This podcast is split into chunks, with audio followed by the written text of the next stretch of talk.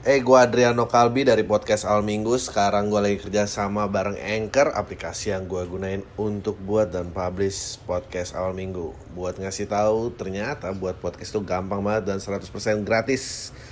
Semua yang kita perluin untuk buat podcast juga ada di Anchor, termasuk distribusi ke Spotify dan platform podcast lainnya. Yuk, download aplikasi Anchor dan bikin podcast kamu segera.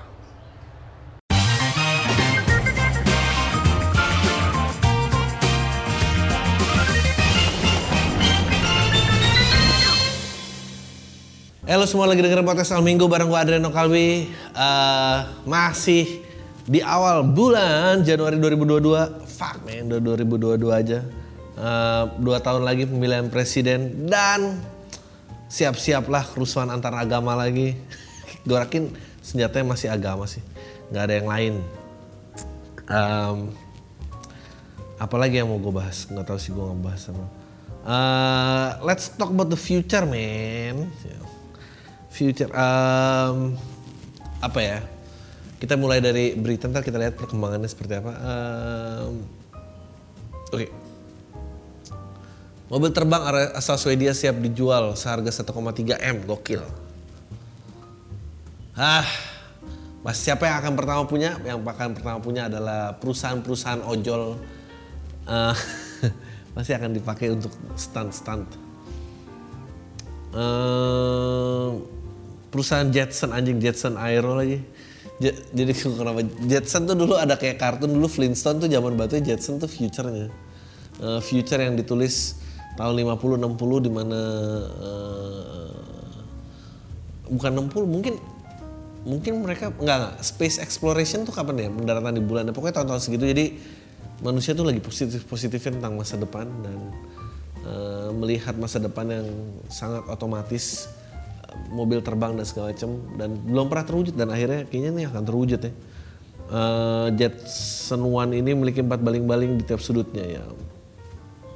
Ya gue yakin akan jadi ojol Eh, akan jadi ojol untuk lu jalan dari satu titik ke titik lain melewati macet. Em, kadang tuh emang gue nggak tahu sih kalau di tempat lain gue rasa juga kota-kota besar udah mulai mirip-mirip. Eh, sebetulnya 10 kilo itu satu jam tuh sebetulnya sangat konyol. 10 kilo satu jam kan berarti rata-rata gerak jalannya eh 10 km per jam. Nah, iyalah orang 10 km satu jam ya 10 km per jam. Itu kan pelan banget sebetulnya untuk naik mobil gitu. Mestinya kita kalau bisa melaju di 60 aja kan itu nggak nyampe gitu. Eh, but you know nggak tahu ya gue tuh kalau kemajuan teknologi otomotif tuh gue optimis sama manusia tapi yang gak optimis tuh sosial media anjing. Nah ini kayak gini, yang gue optimis. Mengendalikan komputer dengan pikiran ya. Pengguna tak perlu lagi menggunakan tombol ya ampun. Gue tuh tulis tangannya jelek loh karena gue di generasi dulu ujian Eptanas anjing. Gue masih Eptanas. Eptanas kelas 6 SD itu menggunakan kayaknya gue angkatan pertama eh, pertama kalinya full komputerisasi jadi nggak ada esai lagi. Karena tidak ada esai, gue inget tuh gue tau padahal gue kelas kelas 5 kelas 6 itu gue dipaksa nulis pakai eh, buku garis tiga anjing. Masih ada nggak yang tahu buku garis tiga?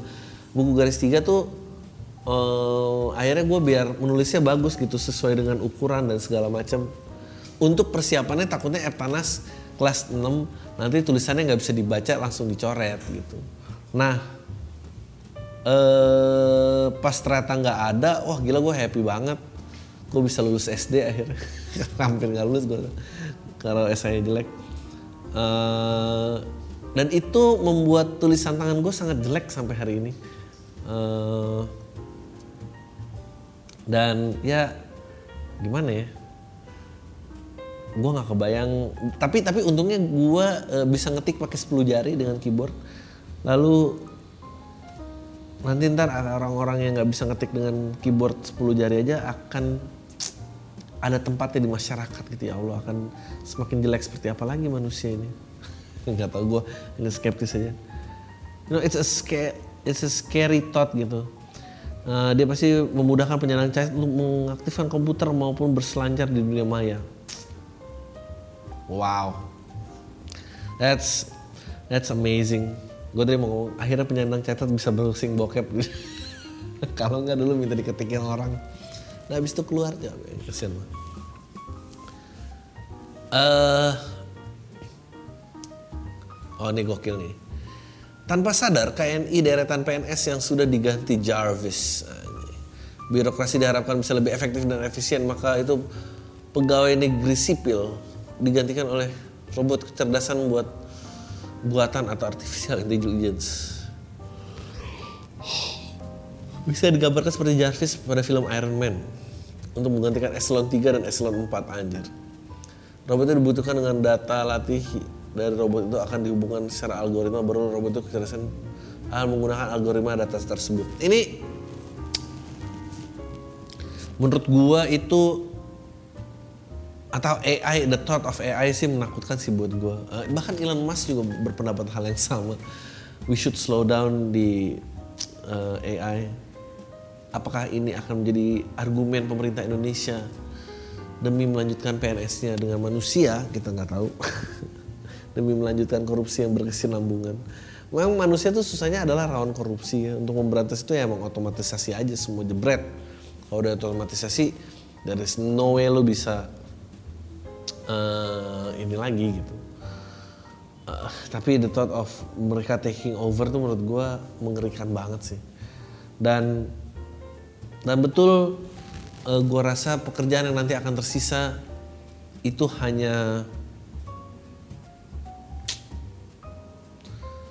hanya kreatif dan programmer gitu. Uh, sisanya akan tergantikan. Kita mulai lihat uh, banyak robot yang membantu masih dikendalikan oleh dokter ya, assisting dalam operasi. Pekerja-pekerja uh, kasar will be out, gue rasa uh, akuntan gitu-gitu akan out. I'm not sure about lawyer, mungkin lawyer masih ada. Hmm, apalagi ya yang akan out? Ya otomatis gini deh, tukang parkir aja udah nggak ada. Maksudnya tukang parkir di mall kan udah nggak ada kan, udah automated gitu. Um, jadi sekolah yang kalian pikir akan mengamankan hidup kalian gelar-gelar sih pendidikan tinggi itu udah nggak semenjamin dahulu memang. Uh, gue nggak tahu ada yang bilang karena kreativitas tuh uh, hal yang belum bisa dilakukan oleh AI uh, dulu gue punya podcast namanya bukan gue punya podcast gue suka podcast namanya Infinite Monkey Cage. Itu podcastnya ada scientist namanya Brian Cox. Dia bilang kenapa Infinite Monkey Cage? Jadi um, kenapa nama Infinite Monkey Cage? Karena itu berasal dari kayaknya ada kiasan yang bilang uh, seperti monyet yang terkungkung gitu. Nah, monyet itu kita gitu. Nah, pada saat ada AI itu dia percaya kandangnya akan menjadi tak terbatas gitu. Um, dia bilang uh, menurut lo uh, misalnya monyet Eh, bisa nggak kan gue lupa rumus matematiknya kan abjad tuh 26 apa 28 26 lah kalau salah 26 berapa yang dibutuhkan uh, uh, berapa lama yang dibutuhkan seorang seekor kera untuk memencet keyboard sehingga menjadi uh, novel Romeo and Juliet? Secara matematik itu probability bisa ketemu karena kombinasi karena keyboard cuma ada 26 nanti ntar tergantung dibikin berapa halaman dan berapa kata kombinasi eh, kata-kata uh, tersebut bisa keluar gitu. Nah, monyet nggak akan bisa ngelakuin itu, tapi kalau misalnya perilakunya monyet cara ngetiknya di copy oleh AI dan dilakukan dengan energi yang sangat panjang, lambat laun pasti probability-nya ketemu gitu kayak dan itu tuh sangat menakutkan menurut tapi juga lu kebayang gak sih kayak kalau misalnya AI disuruh ngetik panjang aja gitu sepanjang-panjangnya kalau secara matematik ini bisa keluar karya-karya seperti apa. Jadi dia bilang dia berargumen bahwa bahwa kreativitas pun akhirnya pun juga bisa dilakukan oleh mesin. Kayak wow that's semoga gue udah mati sih zaman itu. Semoga gue udah mati gue nggak tahu lagi kalau harus survive. Gue lawan tiktoker saja annoyed gimana lawan mesin. Anjir lucu banget. Pemerintah Arab Saudi sambut virtual reality untuk eh, ulang tahun pemerintah Arab Saudi. Eh aja ulang tahun apa sih? VR untuk merasakan hajar aswad gokil. Penggunaan VR ini mendapatkan sambutan meriah dari Presiden Umum Urusan Masjidil Haram dan Masjidil Nabawi Al Abdur Abdul Rahman Al Sudais dengan langsung meresmikan selama pers, langsung meresmikannya. Selama peresmian inisiatif inisiatif batu hitam virtual. Presiden Sudais mengungkapkan pentingnya untuk mendigitalisasi keberadaan batu hajar aswad. Wow. Kami memiliki situs keagamaan dan sejarah yang hebat dan kita harus digitalisasikan dan komunikasikan kepada semua orang yang melalui sarana teknologi terbaru. Wow. Wow. Wow. Tapi hukumnya haram cek gitu. Kata uh, institusi-institusi yang mendukung anjing gue mau bilang jangan nih ntar gue kena pelecehan agama karena kan kalau ini terjadi pasti keinginan untuk terbang ke sana berkurang dong. Sedangkan kan itu merupakan jaringan-jaringan ya gitulah korupsi-korupsi dan ladang uang lainnya. Uh, but that's amazing. Memang mungkin fisik tuh udah nggak ada artinya lagi gitu. Fisik kita hadir tuh udah nggak ada. Kalau memang si Elon Musk bilang sebetulnya kita tuh udah cyborg lagi tanpa lo sadari hubungan lo dengan cellphone lo tuh membuat lo tuh cyborg karena lo yang tadi manusia diberikan alat untuk informasi yang tidak terbatas yang tadinya nggak bisa jadi lo esensialnya udah cyborg cuma permasalahan adalah konektivitas lo terhadap alat lo tuh kayak sedotan dan sedotan ini harus bisa dilebar sampai bisa mengalirkan sungai kata dia biar lo pengalamannya tuh imersif uh, dan menyeluruh. Sementara kita kan baru apa?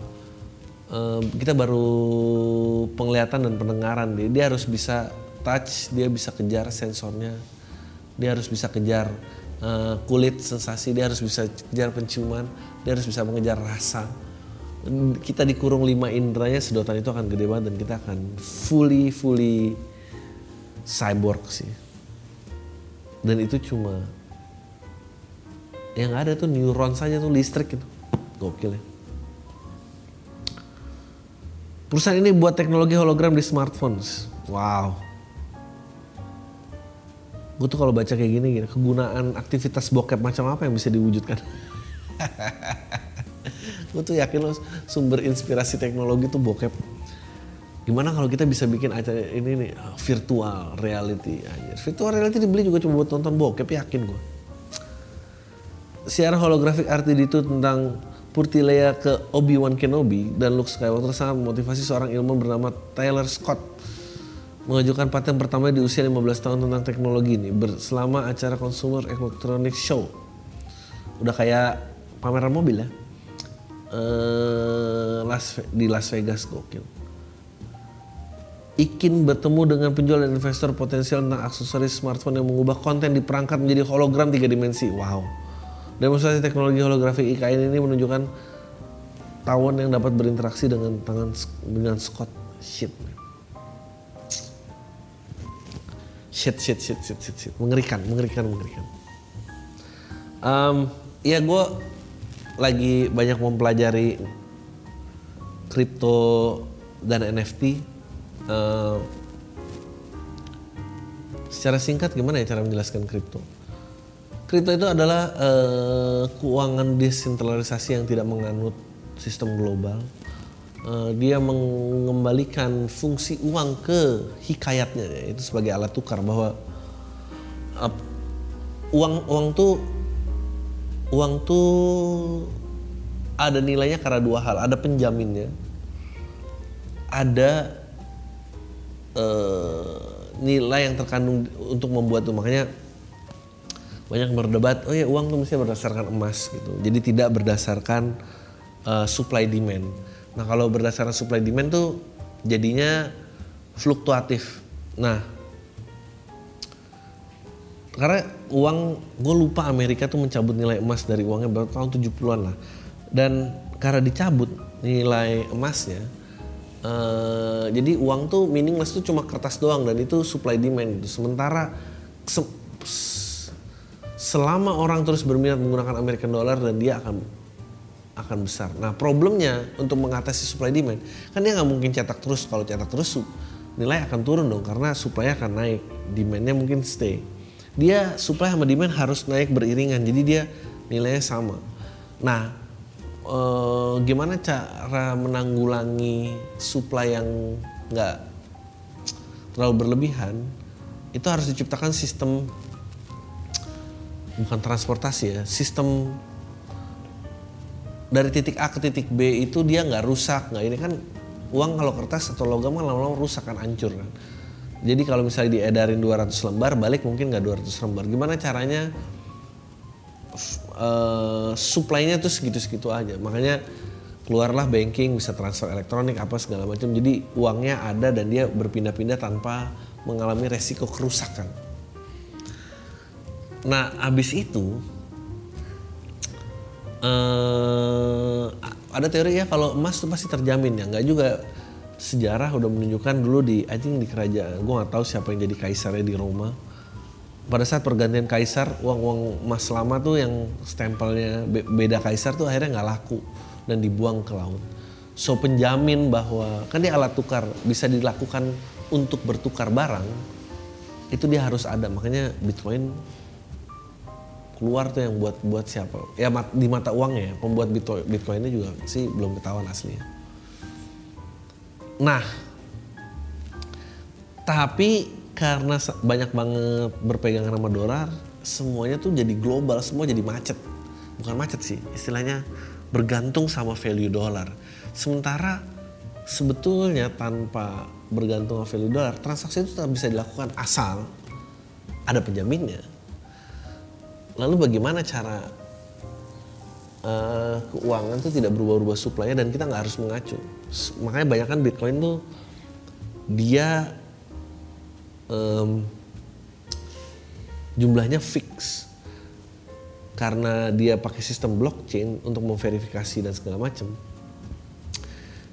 perpindahan itu cepat jadinya dan tidak ada resiko kerusakan dan semua bisa dipecah ke unit yang sampai paling kecil gitu. Karena bentuknya digital gitu. Kita nggak mecah 100 ribu 50 ribu 20 ribu gitu. Nggak nggak kayak gitu. Ya udah dia menganut prinsip itu keluarlah currency blockchain ini gitu. Dan, dan itu sangat menarik. Think of Bitcoin tuh kayak koin time zone. Jadi dia kepisah. Ya udah koinnya cuma bisa dipakai di time zone aja. Nah yang membuat ini akhirnya valuable karena kalau koin-koin bagus dia punya framework menciptakan time zone time zone di tempat lain. Selama kalau dia harus balik lagi ke uang original misalnya ke US dollar atau rupiah gitu ya berarti lu gagal. Yang benar adalah abisin rupiah ini dan dia bisa belanja di tempat-tempatnya makin banyak. Karena dia terpisah dan nggak ngacu global ya value-nya jadi bisa ditentukan. Emang masih banyak sih kecurangan berpikir bahwa ini banyak permainan gambar bandar dan segala macam. Tapinya adalah yang menarik.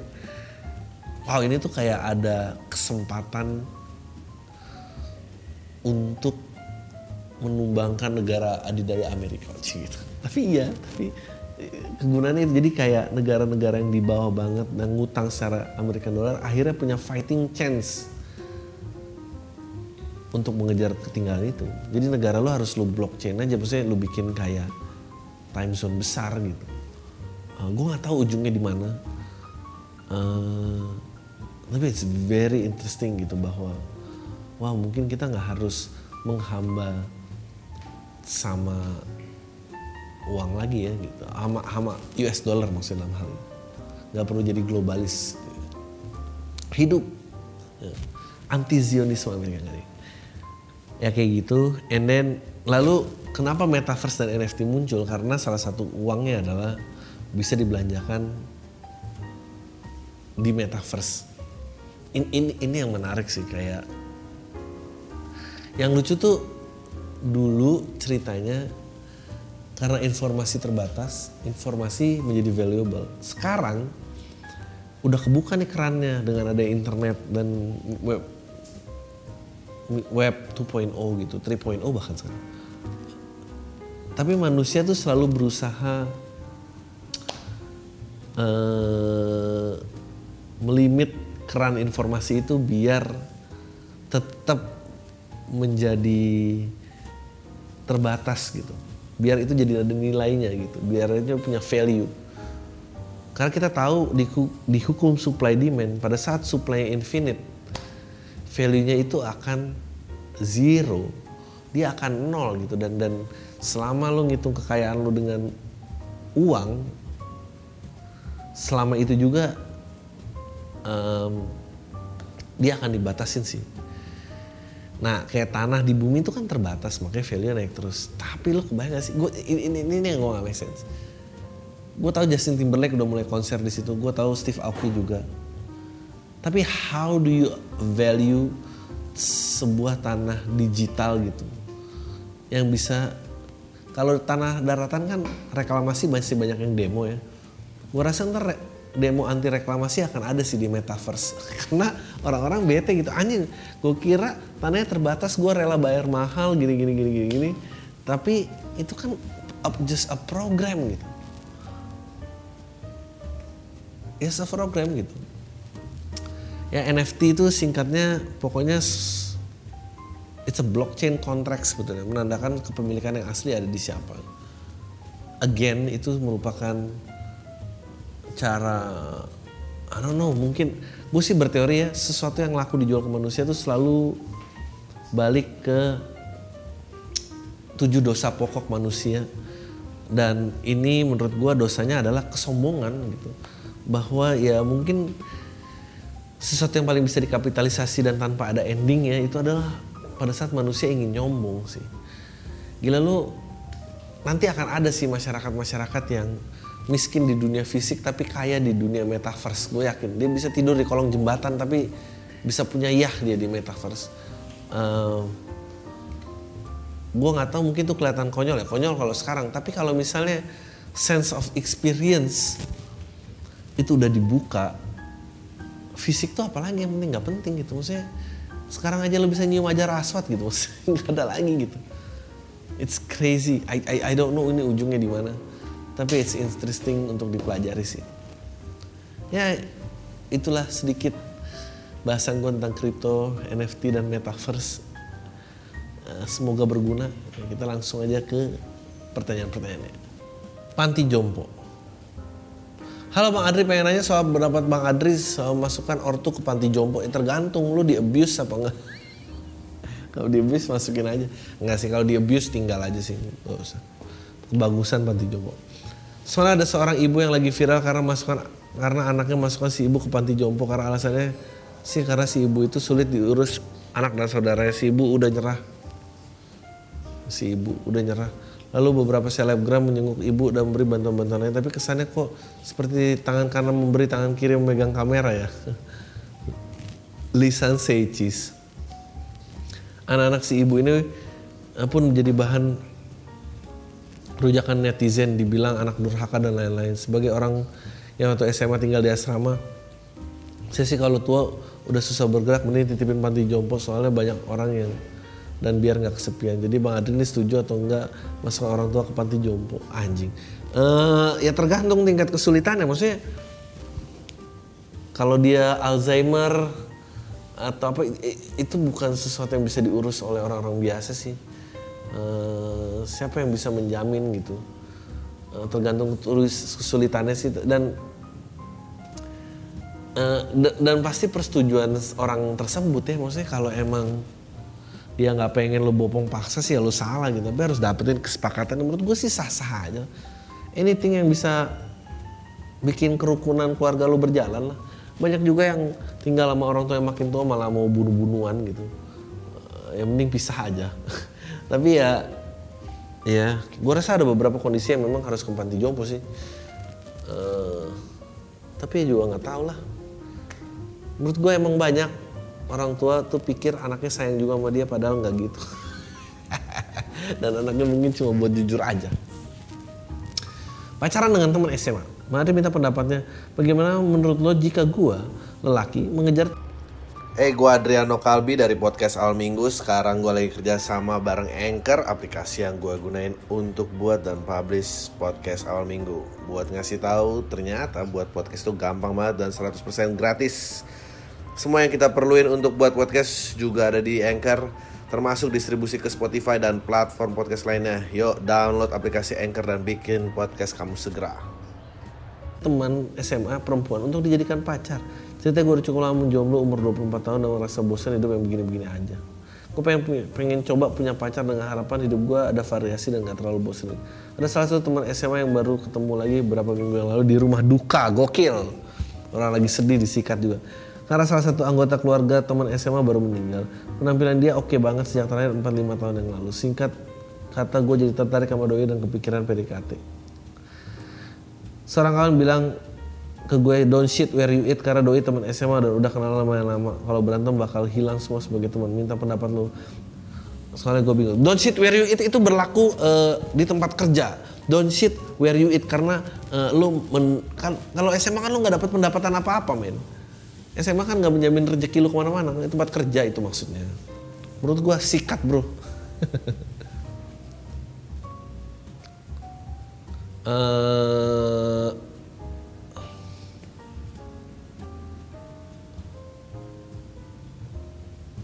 Gokil.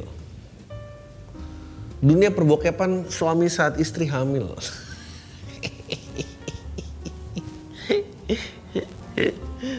gue tuh gak ngerti kenapa. Ini email email alter ya. Gue nikah. Oh, ini perempuan yang email gokil.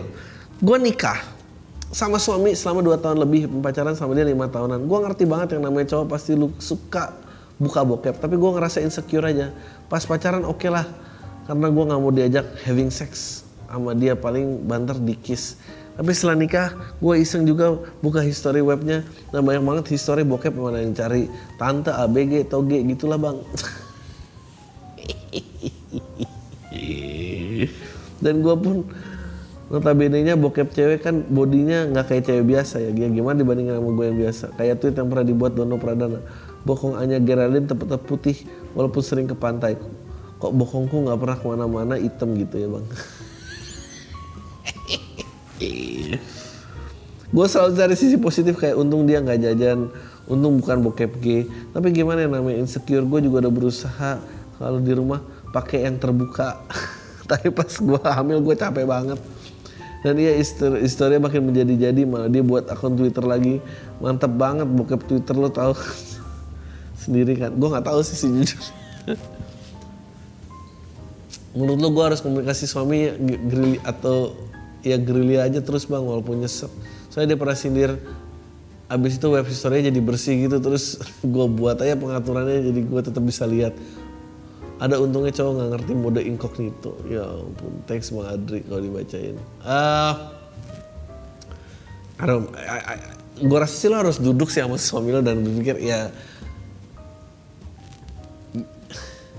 menurut gue salah satu adiksi yang paling sulit untuk dilepas tuh adalah adiksi bokep dan gue dan gue udah nggak tahu kayak gue untung di era bokep tuh anjing gue masih ngerasain bokep tuh pakai video men bokep pakai video bokep pakai laser disc again kembali informasi yang terbatas informasi yang terbatas membuat adiksinya nggak terlalu gila-gila banget um, lalu jadi DVD lalu mulai download download file nah menurut gue untung momen-momen download file tuh gue udah lumayan berumur ya. Jadi itu udah mulai slow down. Gue nggak kebayang kalau nggak usah download file. Kalau gue ABG download udah di download file dan di sosmed atau di streaming platform itu unlimited choices man. Gue nggak nggak nggak tahu harus apa gitu. Ngelepasnya gimana gue nggak ngerti gitu. Dan dan itu gila sih lu, lu tuh sadar gak sih bahwa manusia hari ini adalah manusia yang paling banyak konsumsi bokep dibandingkan dari zaman zaman sebelumnya nggak ada lagi sejarah dalam manusia. Di mana sebuah era itu bokep dikonsumsi banyak banget. Um, ya itu, itu itu adiksi yang mengerikan. Untungnya gue nggak abg di momen itu. Gua untungnya gue nggak di umur 20-an pada saat itu so gue nggak tahu challenges apa yang kalian hadapi. Gue rasa sih lo harus ngobrol sama suami lo. Uh, ya apa gimana ya kamu boleh ngebokep tapi aku juga dipakai apalah gitu maksudnya dicari balance-nya. Ya harus dibuka aja sih menurut gue ya udah harus diterima aja. Bokep is part of life. Sedih banget. Coba jadi stimbol stimbol tato gitu. Bokep is part of life ya sian. Oke. Okay. ini apa nih? Keluarga nyokap tai. Oke. Okay. Semoga lo udah saudara lindungan asuransi gue pendengar podcast dari 2019 baru kali ini gue email. Gue laki-laki umur 28 tahun gue berprofesi sebagai psikiatrik nurse gokil di rumah sakit jiwa daerah Jakarta Selatan. Sekarang sambil kuliah spesialis keperawatan jiwa di salah satu kampus negeri daerah Jakarta. Wow keren banget. By the way gue dari kecil nggak tahu yang namanya kasih sayang seorang ayah. Nyokap gue udah nikah empat kali sama suaminya nggak jelas. By the way nyokap gue udah meninggal tahun 2015 karena kanker payudara dan sempat koma 6 bulan di RS Cipto. Ah gokil karena sudah metastase dan nyebar kotak dan sudah sebesar bola golf. Wow. Nah waktu gua nyokap gua koma nggak ada tuh adik-adiknya yang jenguk atau nanyain kondisinya super secara moral atau finansial. Jadi gue fokus selama enam bulan kampus RS kerjaan dan nggak pulang ke rumah sama sekali. Tahun 2018 rumah warisan dari nenek gue dijual dan dalam pembagiannya tiba-tiba gue dikasih bagian nyokap gue. Oh iya by the way nyokap ini, nyok, by the way nyokap gue anak satu dari lima bersaudara dan yang kerja di instansi pemerintah. Lanjut. Nah adik nyokap gue atau om gue bilang gini ini harus dibagi secara Islam. Gue bilang gue jawab aja. E, lo om gue bilang iya biar berkah. Eh gue bilang gue jawab aja loh kenapa harus hukum Islam? Om gue bilang biar berkah. Oke. Okay. singkat cerita gue posisinya saat itu nggak ada emosi sama sekali karena gue tipe yang selalu nanya kalau gue nggak paham sama sebuah konsep dan selalu mengkomparasi antara konsep tersebut. Anyway, gue waktu itu bilang kalau emang mau mengambil bagian gue ya silahkan aja jangan pakai hukum yang cuma lu sendiri yang paham. Saat itu om gue ngambil bagian gue dan kelihatan nggak bersalah gitu. Gue pun bodoh amat soal uang warisan karena gue pikir ngerebutin uang warisan tuh kayak lebih rendah daripada monyet lagi berebutan makanan yang dikasih sama pawangnya. Betul, gue sepakat. Monyet aja cuma mengambil makanan dengan dua tangannya loh. Manusia bisa mengambil lebih dari kedua tangannya. Alah, so, so bijak. Oke, gue konflik sama om gue ini karena gue nggak pernah satu pemikiran sama dia karena dia cukup sangat cukup sangat banget konservatif. Gimana sih cukup sangat banget? Tiba-tiba dia ngomong gini, lu nggak bisa apa-apa, cuma bisa komplain doang. Nah ini turning point gue dan soal gue inget sampai detik ini. Jing panjang banget ini. Singkat cerita, setelah kejadian itu gue mulai lanjut mengambil magister nursing program di OSI dan tentu berkat bantuan keluarga bokap gue. Dan thanks God, gue berpikir bahwasannya gue mengambil S2 ini bukan karena dendam, tapi karena gue mau sesuai dengan kebutuhan dan serta lulus dengan hasil yang cukup memuaskan menurut gue. Nah long story short, posisi gue dalam satu setengah tahun ini di tempat kerja gue cukup lumayan secara finansial titik om-om gue mulai nanya kondisi seringnya minjem duit untuk alasan biaya anaknya sekolah di sini gue mulai agak sebel dan gue bilang lu inget nggak waktu itu apa? Lu bilang apa sekarang gue apa? Kok minjem duit ke gue kan kata lu gue nggak bisa apa-apa. Bukannya lu semua PNS terus om, om gue jawab kita itu keluarga dan paling nggak harus saling bantu. Nggak boleh ngeliat keluarga kesusahan gue dalam hati anjing keluarga tai saudara tai. By the way setelah kejadian ini gue mulai cabut dari grup keluarga mulai gue blok kontak om-om gue kecuali satu grup keluarga bokap masih gue pertahankan. Karena menurut gue yang nolong gue waktu struggle itu bukan om-om gue tapi malah keluarga bokap yang notabene berpendidikan tinggi ada banyak referensi link keluar negeri. Gue selalu dipacu untuk maju sama keluarga bokap tanpa nyuapin terus-terusan. Padahal nyokap bokap gue cerai dari usia gue dua setengah tahun karena bokap gue BD ekstasi Hah? besar di Bandung. Apakah anda gue tahu nih anaknya siapa jangan tapi keluarga gue selalu edukasi gue dengan keadaan gue waktu itu gue selalu berpendidikan dan kehidupan pendidikan finansial gue dari keluarga bokap. Gue cerita seperti ini untuk dikasih, tapi gue percaya saat lu keluar dari keluarga yang broken, cuma ada dua pilihan antara rusak atau berhasil lebih tough, betul. Dan ke depannya gue bisa tell people bahwasannya nyokap bokap cerai itu bukan jaminan lu jadi bodoh dan berlaku bodoh. Dan gak selalu keluarga tuh lu kira akan nolong lu saat lu struggle akan nolong lu. By the way, gue lagi belajar investasi seperti reksadana dan forex. Gue berharap ke depannya gue bisa maju dengan background gue. Teks udah bacain, mantap. Next time, mungkin gue akan ngirim email mengenai beberapa artis yang kelihatan uh, baik-baik aja di TV, ternyata pasien di RS gue. See you on top, bless you Godspeed. Oke, okay. please kirim emailnya. Uh, ini email udah agak lama, gue akan bales. please, gue tunggu lanjutannya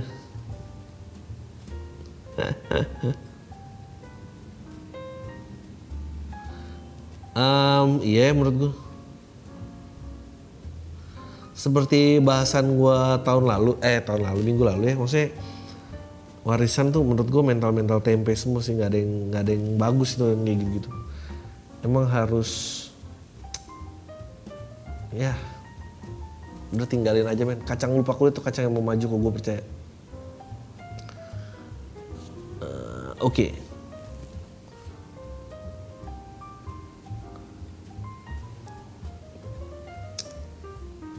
Ini tadi kripto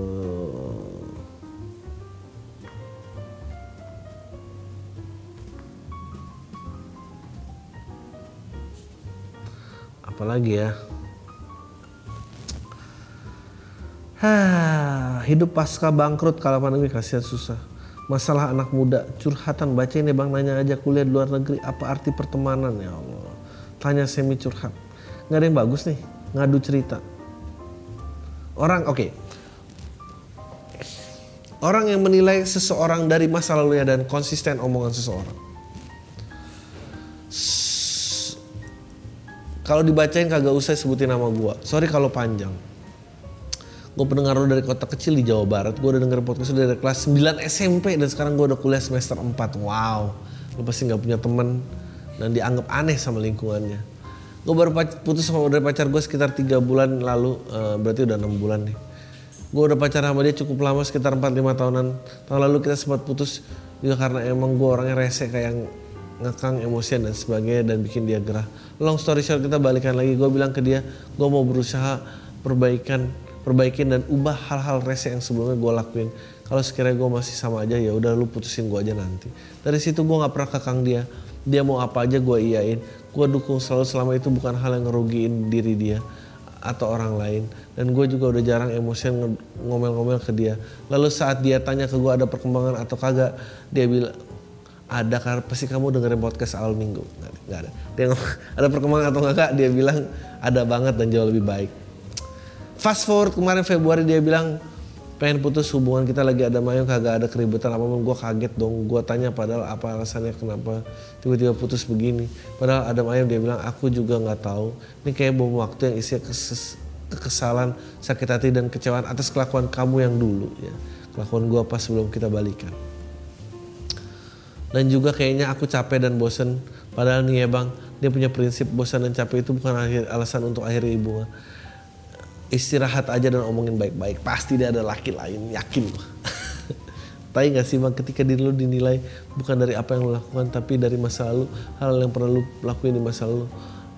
Dan apakah termasuk pamrih ketika lu ngasih effort tapi effort tuh nggak dilihat?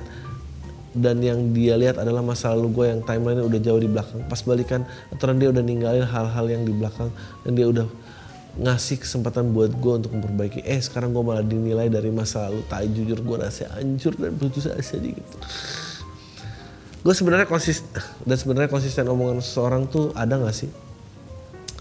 Gue orang yang susah percayaan dan dari sifat omongan orang kecuali hal-hal yang udah bersifat prinsip.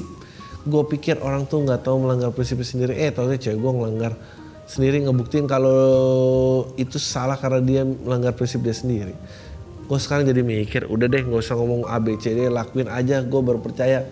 Bisa nggak sih kita megang omongan orang? Bisa lah. Atau konsistensi omongan orang itu memang nggak ada atau pasti berubah-berubah. Kalau iya apa yang harus aduh pertanyaan lu ribet banget bang. Soalnya mau tai tai namanya tai ini. Menurut gue eh, eh, menurut gue cewek lu udah nggak mau aja malu sih menurut gue menurut gue cewek lu ada orang lain eh, dan itu lagi menyenangkan menyenangkannya coba balas sama gue kalau lu nggak percaya email lu udah baca. Ini emailnya agak udah berapa bulan yang lalu so. Jadi gitu. Em, apa lagi apa lagi nih apa lagi nih? Satu lagi deh ya. Mertua kayak tai oke. Udah berapa menit nih? Ah, belum. Apa kabar bang? Semoga belum kena corona dan nggak akan kena amin. By the way, gue tunggu spesial slow selanjutnya. Gue udah download digital TDP dan LPLK. Sumpah lucu banget. Thank you. Jadi bang, kebetulan gue dapat mertua yang megangin anak gadisnya banget. Kebetulan is- an- istri gue anak cewek terakhir.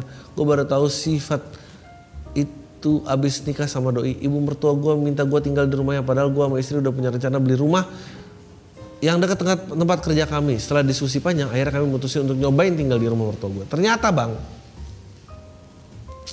hidup di sana nggak enak banget. Gue kayak nggak punya privasi. Ibu mertua gue sering banget masuk keluar kamar gue, bahkan tanpa ngetuk. Abis itu kebetulan gue masih WFH. Sampai sekarang otomatis waktu lemburan gue bakal seharian ngurung diri di kamar nge-laptop. Gitu aja bang.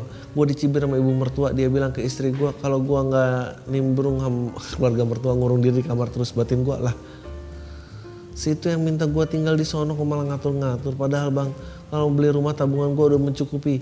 Kalau nggak gede-gede banget gue mau aja hidup di sana karena masih mikir ibu mertua aja. Nggak usah tinggalin aja. Tinggalin aja men. Saya itu rumahnya juga di pelosok desa internet susah. Padahal kerja gue modalnya internet juga. Abis itu cari apa susah. Harus ke kota 30 menit. Kalau mau beli macam-macam paling parah gue sama istri paling parah itu kalau gue sama istri gue mau having sex lagi foreplay tiba-tiba ibu pertua ngetuk kamar minta diajarin pakai aplikasi abis itu udah nggak mood lagi. Anjing. Itu sih ibu mertua lu tahu itu emang mau ganggu. Abis insiden itu gue sama istri gue mutusin bu, buat cari kontrakan dulu. Biar mertua gue lega aja berpikir kalau kita mau tinggal di sana di kemudian hari. Itu bang ngelobi susah banget. Menurut gue minta maaf aja sih daripada minta izin. Beli aja udah. Kalau lu bilang cukup beli rumah beli aja. Dia nggak bisa ngomong apa-apa kebetulan ngelobi istri gue soalnya gue prinsipnya nggak perlu minta izin ke mertua cukup ngasih tahu aja. Kalau mau ngontrak cuma istri masih bersedia nyoba ba- dapat bakal restu nggak bakal dapat jawabannya juga nggak masuk akal bang.